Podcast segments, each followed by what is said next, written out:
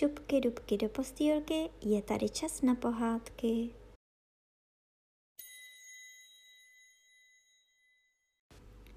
Dnes vám budu povídat pohádku tuláckou o králi Františkovi z knížky Devatero pohádek. Jmenoval se vlastník František Král, ale tak mu říkali jenom tehdy, když ho sebral strážník a dovedl ho na komisařství pro potulku, kde ho zapsali do takové tlusté knihy a nechali ho přespat na pryčně a ráno ho zase poslali dál. Na policii mu tedy říkali František Král, ale ostatní lidé ho jmenovali všelijak jinak.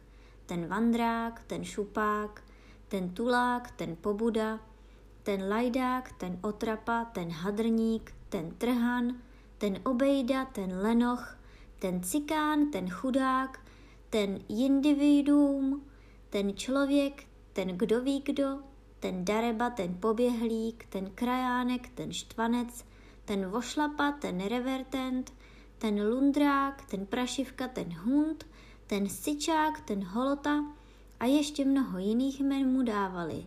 Kdyby každé to názvisko platilo aspoň korunu, mohl by si za ní koupit žluté boty a možná, že i klobouk. Ale takhle si za to nekoupil nic a měl jenom to, co mu lidé dali. Jak tedy je už zřejmo, řečený František Král se netěšil nejlepší pověsti a opravdu nebyl nic jiného než litulák, který jen ukrádal pánu bohu čas. Jenže pán Bůh na věčnosti má tolik mnoho času, že mu ho tím ani zamák neubylo. A neuměl nic, než pískat kudlu. Víte, co je to pískat kudlu? To se dělá tak, že člověk ráno suší hubu, poledne nemá do čeho kousnout a večer se místo jídla párá dřívkem v zubech. A když mu pak kručí hladem žaludek, tomu se říká, že píská kudlu. František Král uměl pískat kudlu tak, že by na ní mohl dávat koncerty. Jinak to byl dobrák od kosti, kdyby se na něm chudákovi také nabralo masa. Když dostal kus chleba, snědl jej a když mu dali zlé slovo, tak je taky spolkl. Takový měl hlad. A když nedostal nic, lehl si někde za plotem, přikryl se tmou a poprosil hvězdičky, aby dali pozor, aby mu nikdo neukradl čepici. Takový vandrovní člověk ví o světě ledacos. Ví, kde dostane najíst, ví, kde dostane vynadáno nebo kde jsou zlí psy, kteří mají na tuláky spadeno víc než četníci. Ale já vám povídám, že byl jednou jeden pes, jak pak se ho nejmenoval. Aha, Foxl. Však už je chudák taky v pánu. Tak ten Foxl sloužil na zámku v chýži a měl takovou divnou náturu, že když uviděl Vandráka, pištěl radostí, tancoval kolem něho a vedl ho rovnou do zámecké kuchyně. Ale když přišel na zámek nějaký velký pán, řekněme baron, hrabě, kníže nebo dokonce pražský arcibiskup, řval na něj Foxl jako pořčený a byl by ho roztrhal, kdyby ho kočí honem nezavřel do konírny. Jak vidíte, jsou i mezi psy všelijaké rozdíly jak pak teprve mezi lidmi. Ale když už jsme u těch psů, víte děti, proč pes vrtí ocasem? To je tak. Když pán Bůh stvořil svět se vším všudy, šel od jednoho božího tvora k druhému a pěkně přívětivě se ho vyptával, je-li na světě spokojen a zda mu nic neschází a podobně. Pak taky přišel k prvnímu psovi na světě a ptal se ho, zda mu nic medle neschází. Pes chtěl honem zavrtět hlavou, že jako zaplať pámbu ne, ale protože zrovna čuchal k něčemu náramně zajímavému, byla to myslím první kost nebo první kůžička z buřtu ještě teplá, jak právě vyšla z ruky stvořitele, spletl se pes a horlivě zavrtěl ocasem. Od té doby pes vrtí ocasem, kdežto jiná zvířata, jako kůň a kráva, dovedou potřásat hlavou tak jako člověk. Jen prase neumí kývat ani vrtět hlavou, a to proto, že když se ho hospodin tázal, jak je na tom božím světě spokojeno, rylo dál rybákem po žaludech a jen tak potřáslo netrpělivě ocáskem, jako by chtělo říci. Pardon, na moment, teď zrovna nemám pokdy. Od té doby prase pořád tak potřásává a potrhává ocáskem, pokud je živo, a jeho ocásek se za trest jídá podnes s křenem nebo hořčicí, aby jej to i po smrti štípalo. Tak je to od stvoření světa. Ale o tom jsem dnes nechtěl povídat, nýbrž o Tulákovi, který se jmenoval František Král. Tak ten Tulák chodil po celém světě. Byl až v Trutnově, kde jsou už Němci, a v Hradci Králové a ve Skalici, dokonce až ve Vodolově a Maršově a jiných dalekých městech celého světa. Jeden čas sloužil také u mého dědečka na Žernově. Ale to víte, tulák je tulák. Sebral svůj raneček a šel zase dál, do Starkoče nebo na jiný kraj světa. A zas po něm nebylo vidu ani slechu. Taková to byla neposedná krev. Už jsem vám říkal, že lidé ho jmenovali Tulák, Trhán, Pobuda a ještě všelijak jinak. Ale nikdy mu také říkali, že je poberta, zloděj, rošťák, dareba nebo raubíř, ale tomu moc křivdili. František Král nikdy nikomu nic nevzal, neukradl ani neštípl. Na mou víru ani co by za nehet se vlezlo. Právě proto, že byl tak poctivý, se nakonec dočkal veliké slávy, ale o tom vám právě chci vypravovat. Tak jednou stál ten tulák František na podměstečku a přemýšlel, máli si jít k vlčkům pro housku nebo ke starému panu Prouzovi pro rohlík. A tu jde podle něho vznešený pán, snad to byl nějaký cizí továrník nebo obchodní cestující, a nese v ruce kožený kufřík.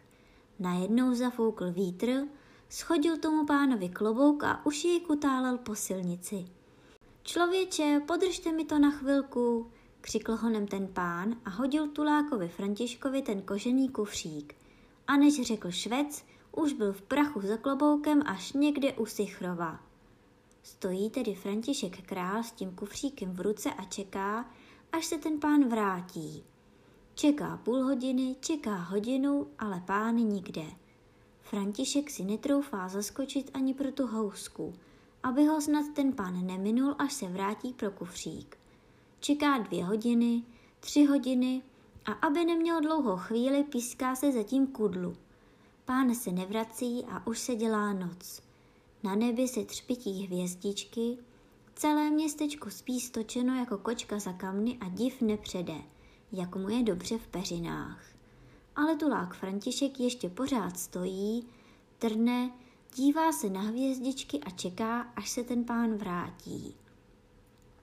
Zrovna tloukla půlnoc, když se za ním ozval strašný hlas. Co tu děláte?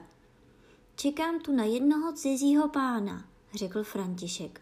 A co to máte v ruce? Tázal se strašný hlas. To je kufřík toho pána, vykládal tulák. Já mu jej mám podržet, co se vrátí. A kde je ten pán? Ptal se do třetice strašný hlas. On jenom odběhl, aby chyt svůj klobouk, pravil František. Ho, ho, řekl děsný hlas. To je podezřelé, pojďte se mnou. To nejde, bránil se tulák. Já tady musím čekat. Ve jménu zákona vás zatýkám, zahřímal veliký hlas a tu František král pochopil, že to je pan Boura strážník a že tedy musí poslechnout. Podrbal se tedy, vzdychl a šel s panem Bourou na komisařství. Tam ho zapsali do tlusté knihy a zavřeli ho do šatlavy, ale ten kufřík zatím zamkli, až přijde ráno pan soudce. Ráno přivedli tuláka před pana soudce. A vždyť to byl na moutě pan Rada Schulz. Dnes už ho také hlava nebolí. Ty budíš k ničemu, ty lajdáku, ty hadrlumpe, řekl pan soudce. Už si tady zas? Vždyť je tomu sotva měsíc, co jsme tě zavřeli pro potulku. Ježíši človíčku, s tebou mám kříž. Tak co, zas tě sebrali, že se stoulal? Ba ne, milost pane, povídá tulák František. Tady pan Boura mne sebral, protože jsem stál. Tak vidíš ty holoto, povídá pan soudce. Proč jsi stál? Kdybys nebyl stál, nebyli tě sebrali. Ale slyším, že u tebe našli nějaký kufřík. Je to pravda? Prosím, milost pane, povídá tulák, ten kufřík mi dal nějaký cizí pán. Ho, ho, zvolal pan soudce, toho cizího pána už známe. Když někdo něco ukradne, tak řekne, že to dostal od nějakého cizího pána. Holenku, tím nás nenapálíš. A co je v tom kufříku? To nevím, na mou duši, řekl tulák František. Ty taškáři jeden, povídá pan soudce. Však my se na to podíváme sami. I otevřel pan rada kufřík a vyskočil překvapením. Byly tam samé peníze a když je přepočítal, bylo jich 1 milion 367 tisíc 815 korun 92 halíře. Krom toho kartáček na zuby. Hrom do toho, vykřikl pan soudce. Člověče, kde jsi to ukrad? Prosím, milost pane, bránil se František král. To mi dal podržet ten cizí pán, co honil ten klobouk, co mu jej vzal vítr. I ty zloději zlodějská, volal pan soudce. Co pak si myslíš, že ti tohle uvěřím? To bych rád viděl, kdo by svěřil takovému trhanovi, jako jsi ty, jeden milion 367 tisíc 815 korun 92 halíře a ještě k tomu kartáček na zuby. Marš do šatlavy. Však my už vyšetříme, komu si ten kufřík ukradl. A tak se stalo, že zavřeli chudáka Františka do šatlavy na hrozně dlouhou dobu. Utekla zima a minulo jaro a ještě pořád nenašli nikoho, kdo by se hlásil o ty peníze, a tak si pan Rada Schulz, pan strážník Boura a ostatní páni od soudu i od policie už mysleli, že František Král, tulák bez přístřeží a bez stálého zaměstnání, vícekrát trestaný a vůbec prašivka daremná, někde zabil a zakopal neznámého pána a vzal mu ten kufřík s penězi. A tak, když uplynul rok a den, stál František král před soudem pro vraždu neznámého pána a pro uloupení jednoho milionu 367 tisíc 815 korun 92 haléřů a kartáčků na zuby. Šmankote děti, za takovou věc je pro vás. Ty hancute, ty raubíři, ty prach milione, povídá pan soudce obžalovanému. Tak už se u všech všudy přiznej, kde z toho pána zabil a zakopal. Bude se ti líp vyset, když se přiznáš. Dyť já ho nezabil, milost pane, bránil se chudák František. On jenom honil ten klobouk a Frank už byl v prachu. Letěl jako švec na jarmark a ten kufřík mě jako nechal v rukou. Inu, vzdychl pan soudce, když teda mermomocí chceš, pověsíme tě i bez přiznání. Pane Boura, tak toho zatvrzelého zločince s pomocí boží pověste. Jen to dořekl, když se rozletěly dveře a v nich stál nějaký cizí pán, celý zaprášený a udýchaný.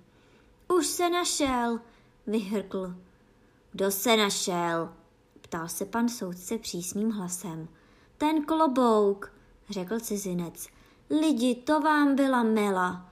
Tak já jdu po podměstečku a najednou mě vítr sebere klobouk. Já hodím svůj kufřík, ani nevím komu a šup letím za kloboukem. Ale klobouk neřád se kutálí přes most k Sichrovu a za Sichrovem k Zálesí a Kertyni a přes kostelec ke Zbečníku a přes celý Hronov k náchodu a tam tudy má kolem na pruskou hranici. Já pořád za ním, už jej skoro držím, ale na hranici mě chytne financ, co prý tak utíkám. Jářku, že za kloboukem. Než jsem mu to vysvětlil, byl zase klobouk v prachu. Tak jsem se vyspal a pustil jsem se vám ráno za kloboukem do Pruska. Na levín a chudobu, co je ta smradlavá voda. Počkejte, pravil pan soudce, tady je soud a ne nějaká zeměpisná přednáška. Tak já vám to povím docela krátce, řekl cizinec. Chudobě se dovím, že můj klobouk tam vypil sklenici vody. Koupil si hůl a pak sedl do vlaku a jel do Svídnice – To se rozumí, já jedu za ním. Ve Svídnici klobouk neřád, přenocoval v jednom hotelu, ani nezaplatil účet a pak odejel neznámu kam. Po delším pátrání jsem se dozvěděl, že chodí po Krakově a dokonce, že se tam chce oženit s jednou vdovou. Tak já jedu do Krakova za ním. A proč jste jej tak honil? ptal se pan soudce. No, povídal cizinec.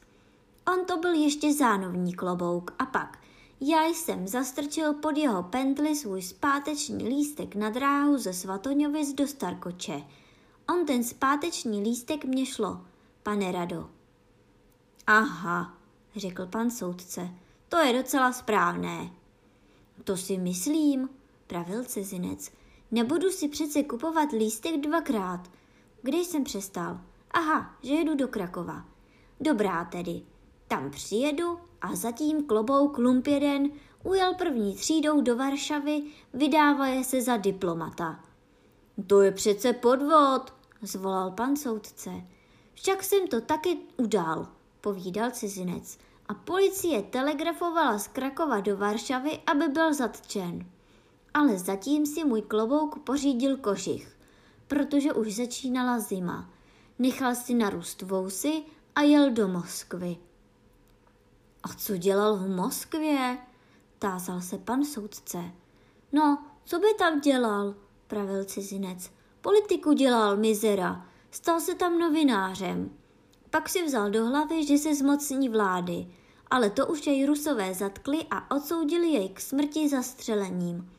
Ale když jej vedli na popraviště, zafoukal vítr a tu on, uličník, se začal kutálet a proklouzl mezi nohama vojáků a kutálel se po matičce Rusy až do Novočerkasku. Tam si dal na hlavu beranici a stal se atamanem donských kozáků. Já jej pronásleduju a konečně jej chytím. A tu on, padouch, zapíská na své kozáky a káže jim, aby mne zastřelili. A co dál? ptál se pan soudce dychtivě. No, co by bylo dál? řekl cizinec. Já jim povídám, že my se kozáků nebojíme, že je krájíme do polívky. Já nevím, pane Rado, jestli tady u vás taky rostou kozáčky. Rostou a hodně, pravil pane Rada. Nejvíc tamhle u Libňatova, nejvíc takhle, kde jsou břízy a osiky. Kozák je docela dobrá houba, řekl cizinec, jenomže má nožičku trochu dřevnatou.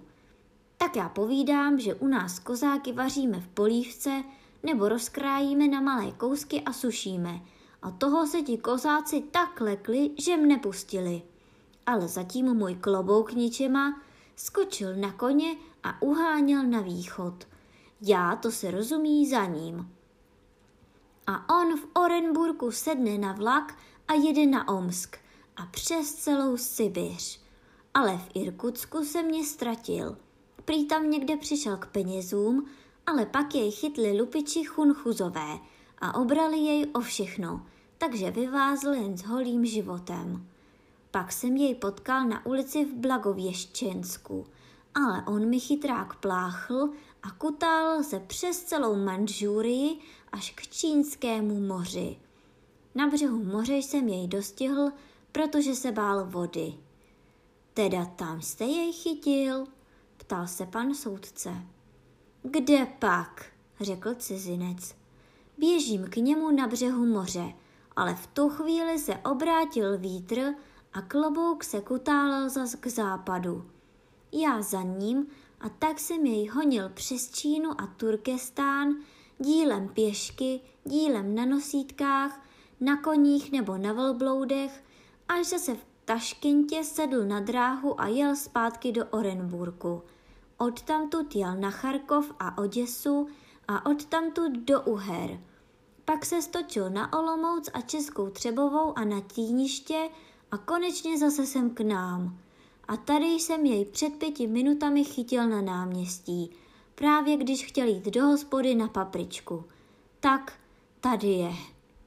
Přitom ukázal ten klobouk, byl rozbitý na dranc, ale jinak by nikdo neřekl, že by to byl takový vykutálený taškář. A teď se podíváme, zvolal cizinec. mám-li ještě zapentlý ten zpáteční lístek ze Svatoňovic do Starkoče. I sáhl za pentli a vyňal lístek. Je tady, vykřikl vítězně. Tak, teď aspoň pojedu zadarmo do Starkoče. Ale človíčku, řekl pan Rada, vždyť vám ten lístek už propadl. Jak to? divil se cizinec.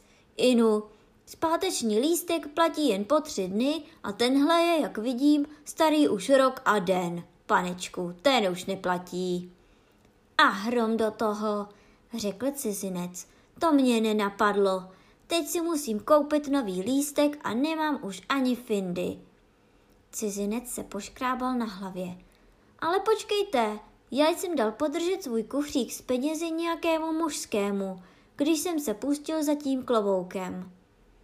Kolik tam bylo peněz? ptá se honem soudce. Jestli se nemejlím, pravil cizinec, tak tam byl jeden milion 367 tisíc 815 korun 92 halíře a kartáček na zuby. Na vlastolik, řekl pan soudce. Tak ten kufřík máme tady se všemi penězi i s kartáčkem na zuby. A tady stojí ten mužský, co jste mu dal podržet svůj kufřík. Jmenuje se král František a právě jsme ho já a tuhle pan Boura odsoudili na smrt, že vás oloupil a zavraždil. I koukejme, na to cizinec. Tak vy jste ho chudáka zavřeli? No, aspoň neutratil všechny prachy, co byly v tom kufříku. Tu povstal pan soudce a řekl slavnostně. Teď teprve vidím, že král František neukradl, neuzmul, neodcizil, neštípl a rovněž si nepřisvojil z peněz u něho uložených ani brka, šupu, vindry anebo findy, nikláku ani fluňky, ačkoliv, jak potom zjištěno, neměl sám ani na munzemli nebo na dalamánka, nebo též na housku, žemli či jinou poživatinu, aneb pochutinu, zvanou též pekařský výrobek a latinsky cerealia.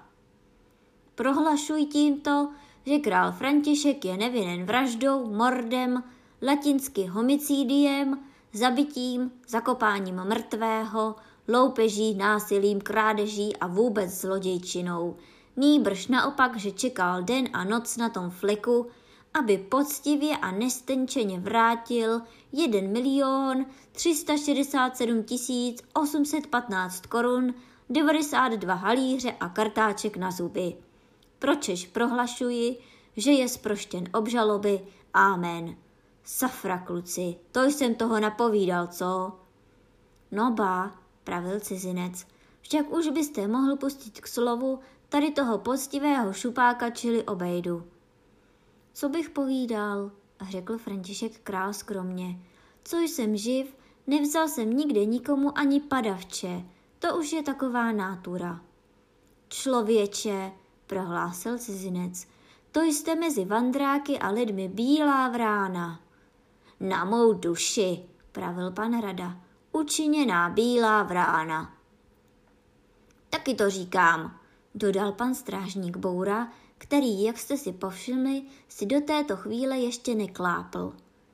Tak tedy přišel František král zase na svobodu, ale odměnou za jeho poctivost mu dal ten cizinec tolik peněz, že by si za to mohl František koupit jeden dům, do toho domu jeden stůl, na ten stůl jeden talíř a na ten talíř jednu horkou jitrnici.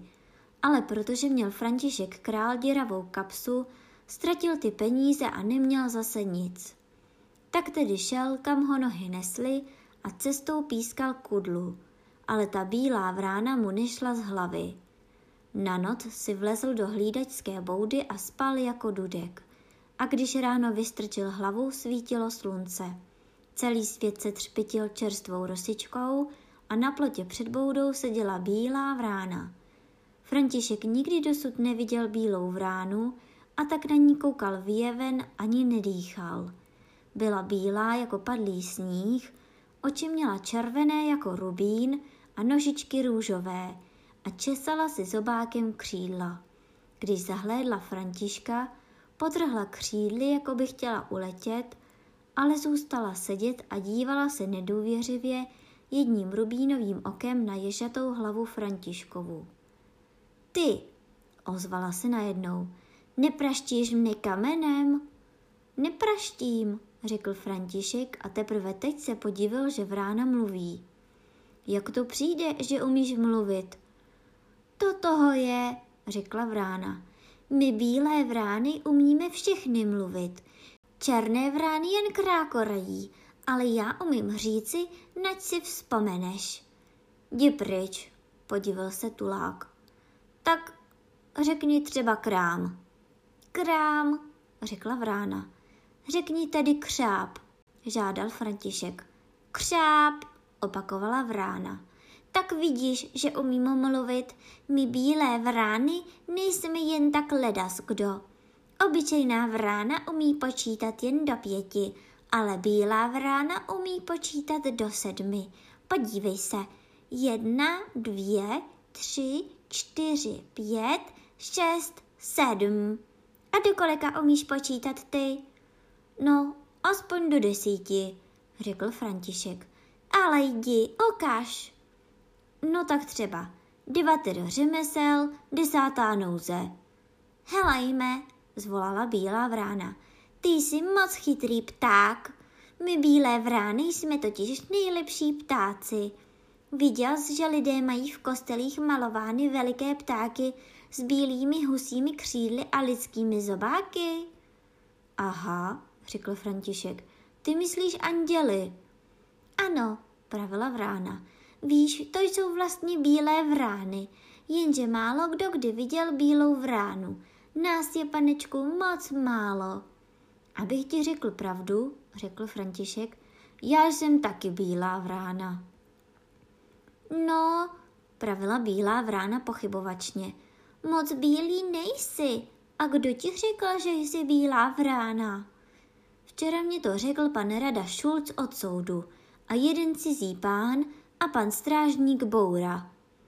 Koukejme, divila se bílá vrána, co ty jsi vlastně zač?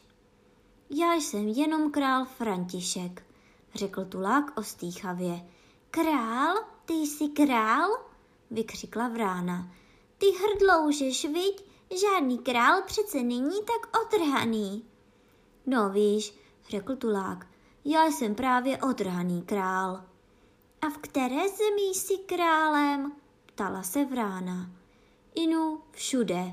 Já jsem král tady a když jsem ve Skalici, tak jsem taky král a v Trutnově taky. A v Anglicku? V Anglicku bych byl král taky. Ale ve Francii ne. Ve Francii taky. Všude jsem král František. To není možné, pravila vrána. Řekni na mou duši. Na mou duši, zaklínal se František. Řekni pán Bůh ví, žádala bílá vrána. Pán Bůh ví, řekl František. Ať se na místě propadnu, není-li to pravda, ať mě jazyk upadne. To stačí, skočila mu do řeči vrána. A mezi bílými vránami by si taky troufal být králem. I mezi bílé vrány, řekl on, bych přišel jenom jako král František. Tak počkej, pravila vrána.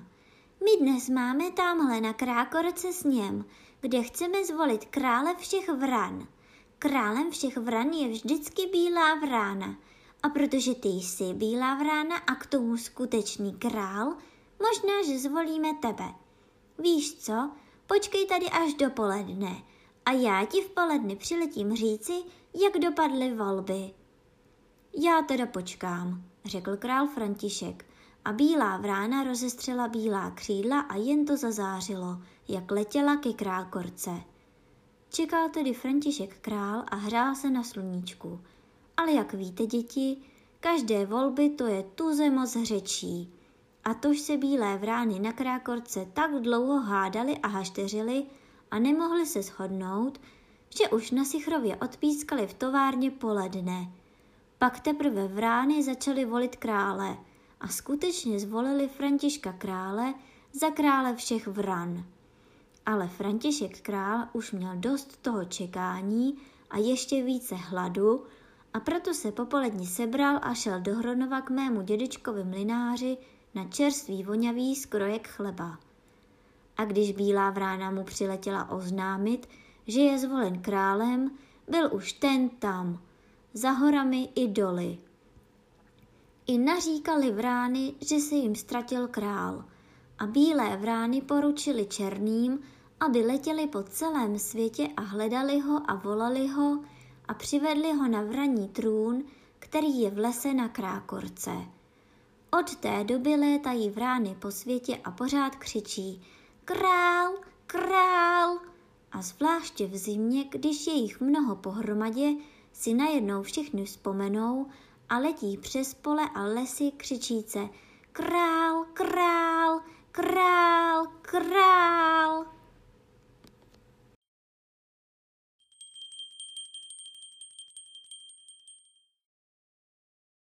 A teď už zavřete očička a krásně si vyspinkejte.